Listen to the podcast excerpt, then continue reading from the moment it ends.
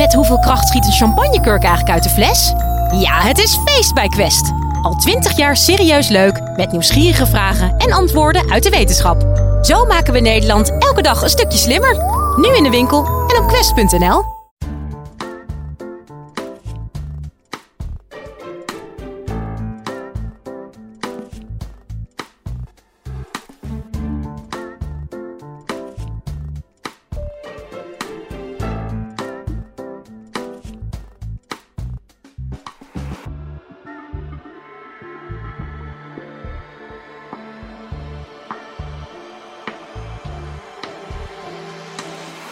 Dit is de Universiteit van Nederland. Het is fair om te zeggen dat voortplanting uh, zich eigenlijk in, in, het Westen, zeker in Nederland, plaatsvindt in een relatie. En om voor te planten heeft moeder natuur die evolutionaire voortplantingsmotor bedacht, verliefdheid. En wat gebeurt er nou bij verliefdheid? Vindt er een aantal hormonale veranderingen plaats die erg die voortplanting beïnvloeden. Uh, Eén daarvan is merkwaardig. Uh, in eerste plaats is dat tijdens de verliefdheid de stresshormoonniveaus bij verliefde man en vrouw omhoog gaan. Verliefdheid is hartstikke leuk, maar hormonaal gezien kom je in een staat van paraatheid, een staat van stress terecht. En we begrijpen dat niet goed. En er zijn wetenschappers die zeggen dat omdat dat komt, omdat als je verliefd bent, je op het kruispunt staat in je leven, je legt een oud pad af, je slaat een nieuw pad in met een nieuw figuur naast je aan je zij. En die angst en die, van de, van, of, of die, ja, die angst voor het nieuwe, de neofobie, die roept een stressrespons op. En cortisol is het hormoon dat erbij hoort, is bij mannen en bij vrouwen significant verhoogd gedurende de verliefdheidsfase. En het daalt ook weer als die verliefdheid na een aantal maanden verdwijnt. Maar een van de meest voor andere merkwaardige bevindingen van bij verliefde mensen is het testosterongehalte. Testosteron komt bij mannen uit de testis, uit de ballen, en bij vrouwen uit de ovaria en uit de bijnier. Het is niet algemeen bekend, maar vrouwen hebben aardig wat, althans bij mannen ook, aardig wat te danken aan testosteron. Natuurlijk zijn de vrouwelijke geslachtskenmerken afkomstig van het oestrogeenhormoon en de mannelijke geslachtskenmerken van het testosteronhormoon. Maar verder heeft testosteron nog een belangrijke uh, uh, sociale, gedragsmatige functie. Ik kom er dadelijk op terug. Verliefde mannen kennen een daling van hun testosteronniveau uh, maar mannen zitten zo tot op een nok vol gevuld met te testosteron. Die hebben daar zo walgelijk veel van. Zo waanzinnig veel dat die daling geen functionele betekenis heeft, voor zover wij kunnen overzien. Bij vrouwen daarentegen verdubbelt het testosteron. Dus verliefde vrouwen die kennen een verdubbeling van het testosterongehalte in hun bloed. Dus kennelijk zijn de ovaria, maar ook de, vooral de bijnier, zijn harder bezig om dit hormoon te produceren. Testosteron is het hormoon dat is geassocieerd met seksueel gedrag. Testosteron is een hormoon dat, waarvan de werking op, bij mannen het meest uh, wetenschappelijk onderbouwd is. Het zorgt voor seksuele fantasieën, het zorgt voor autoerotisch gedrag, het zorgt voor seksueel getint gedrag, het zorgt voor toenadering tot, tot de andere seksen. Als je hormonen weghaalt bij mannen, dat kan door bepaalde ziektes of dat kan door bepaalde medicamenten, verdwijnt dat allemaal. Er is dus een lineaire relatie bijna tussen de testosteronniveaus en het seksueel gedrag. Bij vrouwen is het complexer, zoals alles bij vrouwen complexer is. Um, en bij jonge vrouwen is de relatie tussen seksualiteit en testosteron aangetoond. Dus de twintigers die verliefd worden en die dan een verhoogde hoeveelheid testosteron in hun bloed krijgen, dan is het zeer waarschijnlijk dat het ook een prikkeling geeft van het seksueel getinte gedrag. En dat klopt ook in het evolutionaire plaatje, waarbij verliefdheid de motor is achter de voortplanting. Op oudere leeftijd, uh, mijn leeftijd, wordt het allemaal wat complexer, omdat vrouwen een, um, uh, een, elaboratie hebben, heet het met een mooi woord, van de seksprikkel, waarbij meer dan alleen maar uh, seksueel, seksueel getinte scènes arousal geven, een seksuele arousability geven. Mannen zijn tamelijk uh, eenvoudig. Als je aan een man vraagt, uh, ben je opgewonden? Dan kijkt hij eerst naar beneden en dan zegt hij ja of nee, afhankelijk van de stand van zijn orgaan. Vrouwen missen dat vermogen omdat de, omdat de opwinding niet zichtbaar is. Als je het even wel meet, dan zullen vrouwen op een seksuele prikkel, op een seksuele cue, bijvoorbeeld in een erotische film, binnen twee hartslagen een verhoogde doorbloeding van hun vagina wand laten zien maar mentaal eigenlijk dat niet merken en daar helemaal niet bezig zijn. Onderzoek heeft aangetoond dat als je vrouwen naar seksfilm laat kijken, mannen zitten naar die geslachtsorganen te loeren, maar vrouwen die zitten te kijken op een raar bed, wat, wat een rare gekke plek. Zo zou ik het nooit doen. Hebben, kijken naar totaal andere zaken. Maar er is een aantal hele hardnekkige mythes die ook nu nog uh, een rol spelen. Mannen, de helft van de mannen die hier zitten, die denkt dat. Uh, ja, wat ga ik zeggen? Die denkt dat zijn penis toch een tikkeltje aan de te kleine kant is.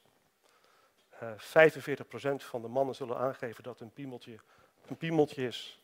Terwijl objectief gezien, als ze naar de uroloog gaan, dat uh, ze een volstrekt normale uh, penislengte hebben. Mannen hebben iets met een penislengte en dat is niet van deze tijd, maar dat gaat al eeuwen terug, zo tienduizenden jaren terug. Rotstekeningen hebben al laten zien dat uh, oude tekenaars het mannelijk geslacht enorm overdreven in, in grote lengte. Het is evenredig met de masculiniteit. Het is een onuitroeibaar gegeven dat de afmetingen van het orgaan uh, kennelijk iets zeggen over hoe krachtig en hoe potent je bent.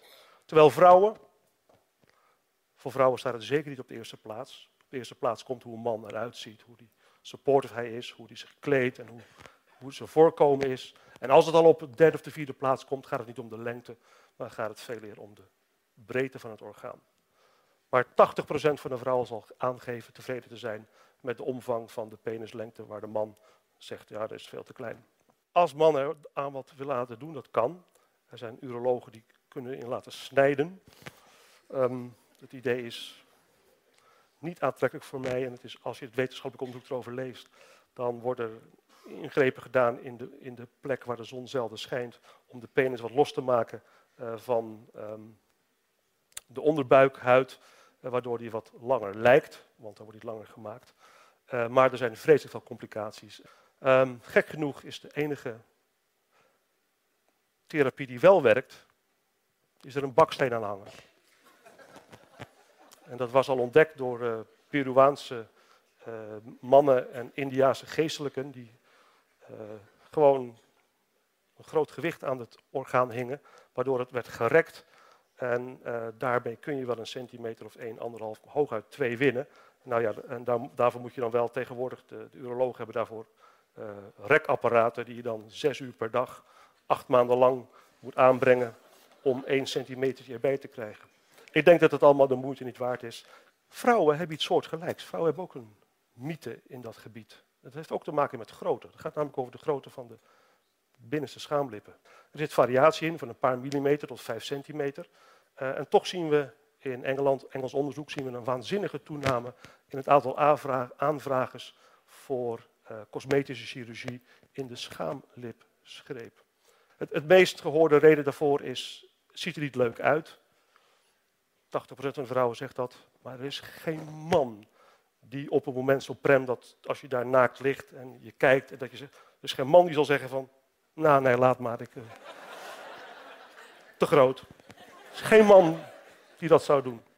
En de tweede uh, reden is pijn en discomfort, zoals dat zo mooi heet. Ala, dat kan. En ik wil het niet wegnemen dat er vrouwen zijn waarbij het inderdaad onaangenaam is. Ook een aange aangegeven reden voor vermeend te grote schaamlippen is. Zit in de weg. Het zit gewoon in de weg. Bij het fietsen. Wat dacht je dat er bij mij in de weg zat bij het fietsen dan? Dus, eh, Ten slotte, alle vrouwen die onderzocht zijn die voor chirurgie kwamen, bleken gewoon een normale lengte te hebben van de schaamlippen. Dus het is meer tussen de oren dan dat het nou werkelijk waarschijnlijk een groot probleem is. Een enkel geval daar gelaten. En hier is ook waarom twintigers nu moeten beginnen aan kinderen. Haar vruchtbaarheid is op je twintigers op zijn hoogst, op de piek.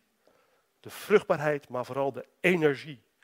Energie die het, die vergt om een kind te laten groeien, te baren en groot te brengen. zijn tropenjaren, uh, waarvan een aantal vrouwen zal zeggen, als ik wist dat het zo intensief was, zou ik er nooit aan begonnen. Daarom is het goed dat jullie niet weten waar jullie aan beginnen, anders zou je het niet meer doen. De vruchtbaarheid neemt dramatisch af na het 35e levensjaar. Bij sommige vrouwen ontstaat het idee, ach, dat loopt een beetje, wordt een beetje minder.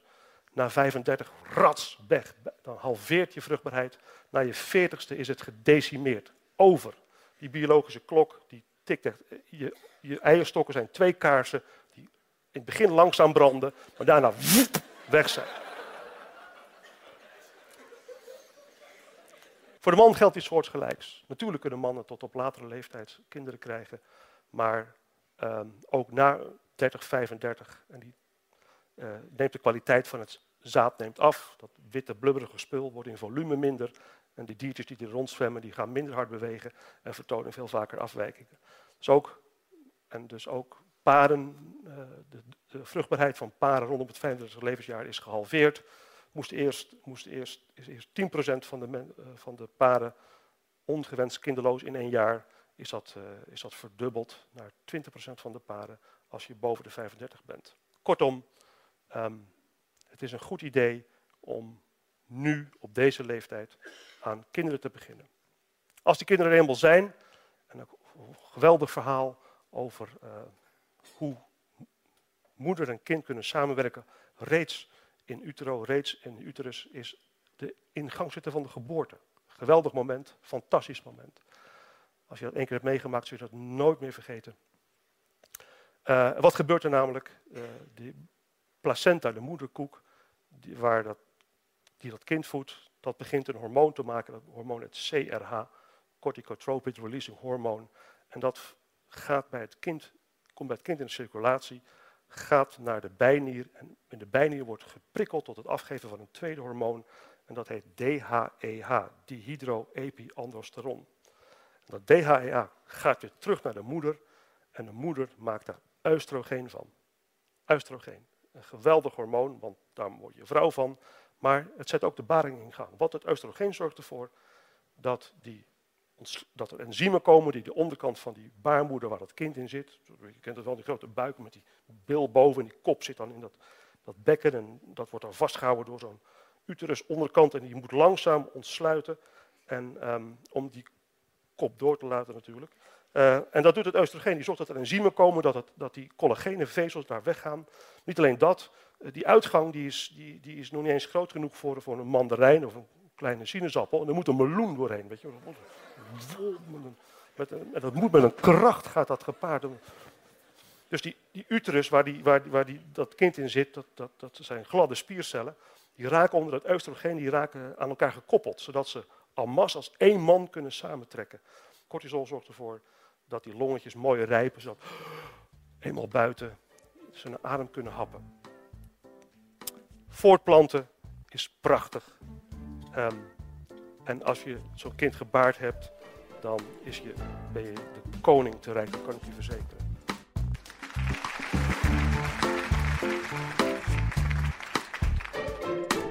Dit was de Universiteit van Nederland. Wil je nou nog meer wetenschappelijke antwoorden op spannende vragen? Check dan de hele playlist.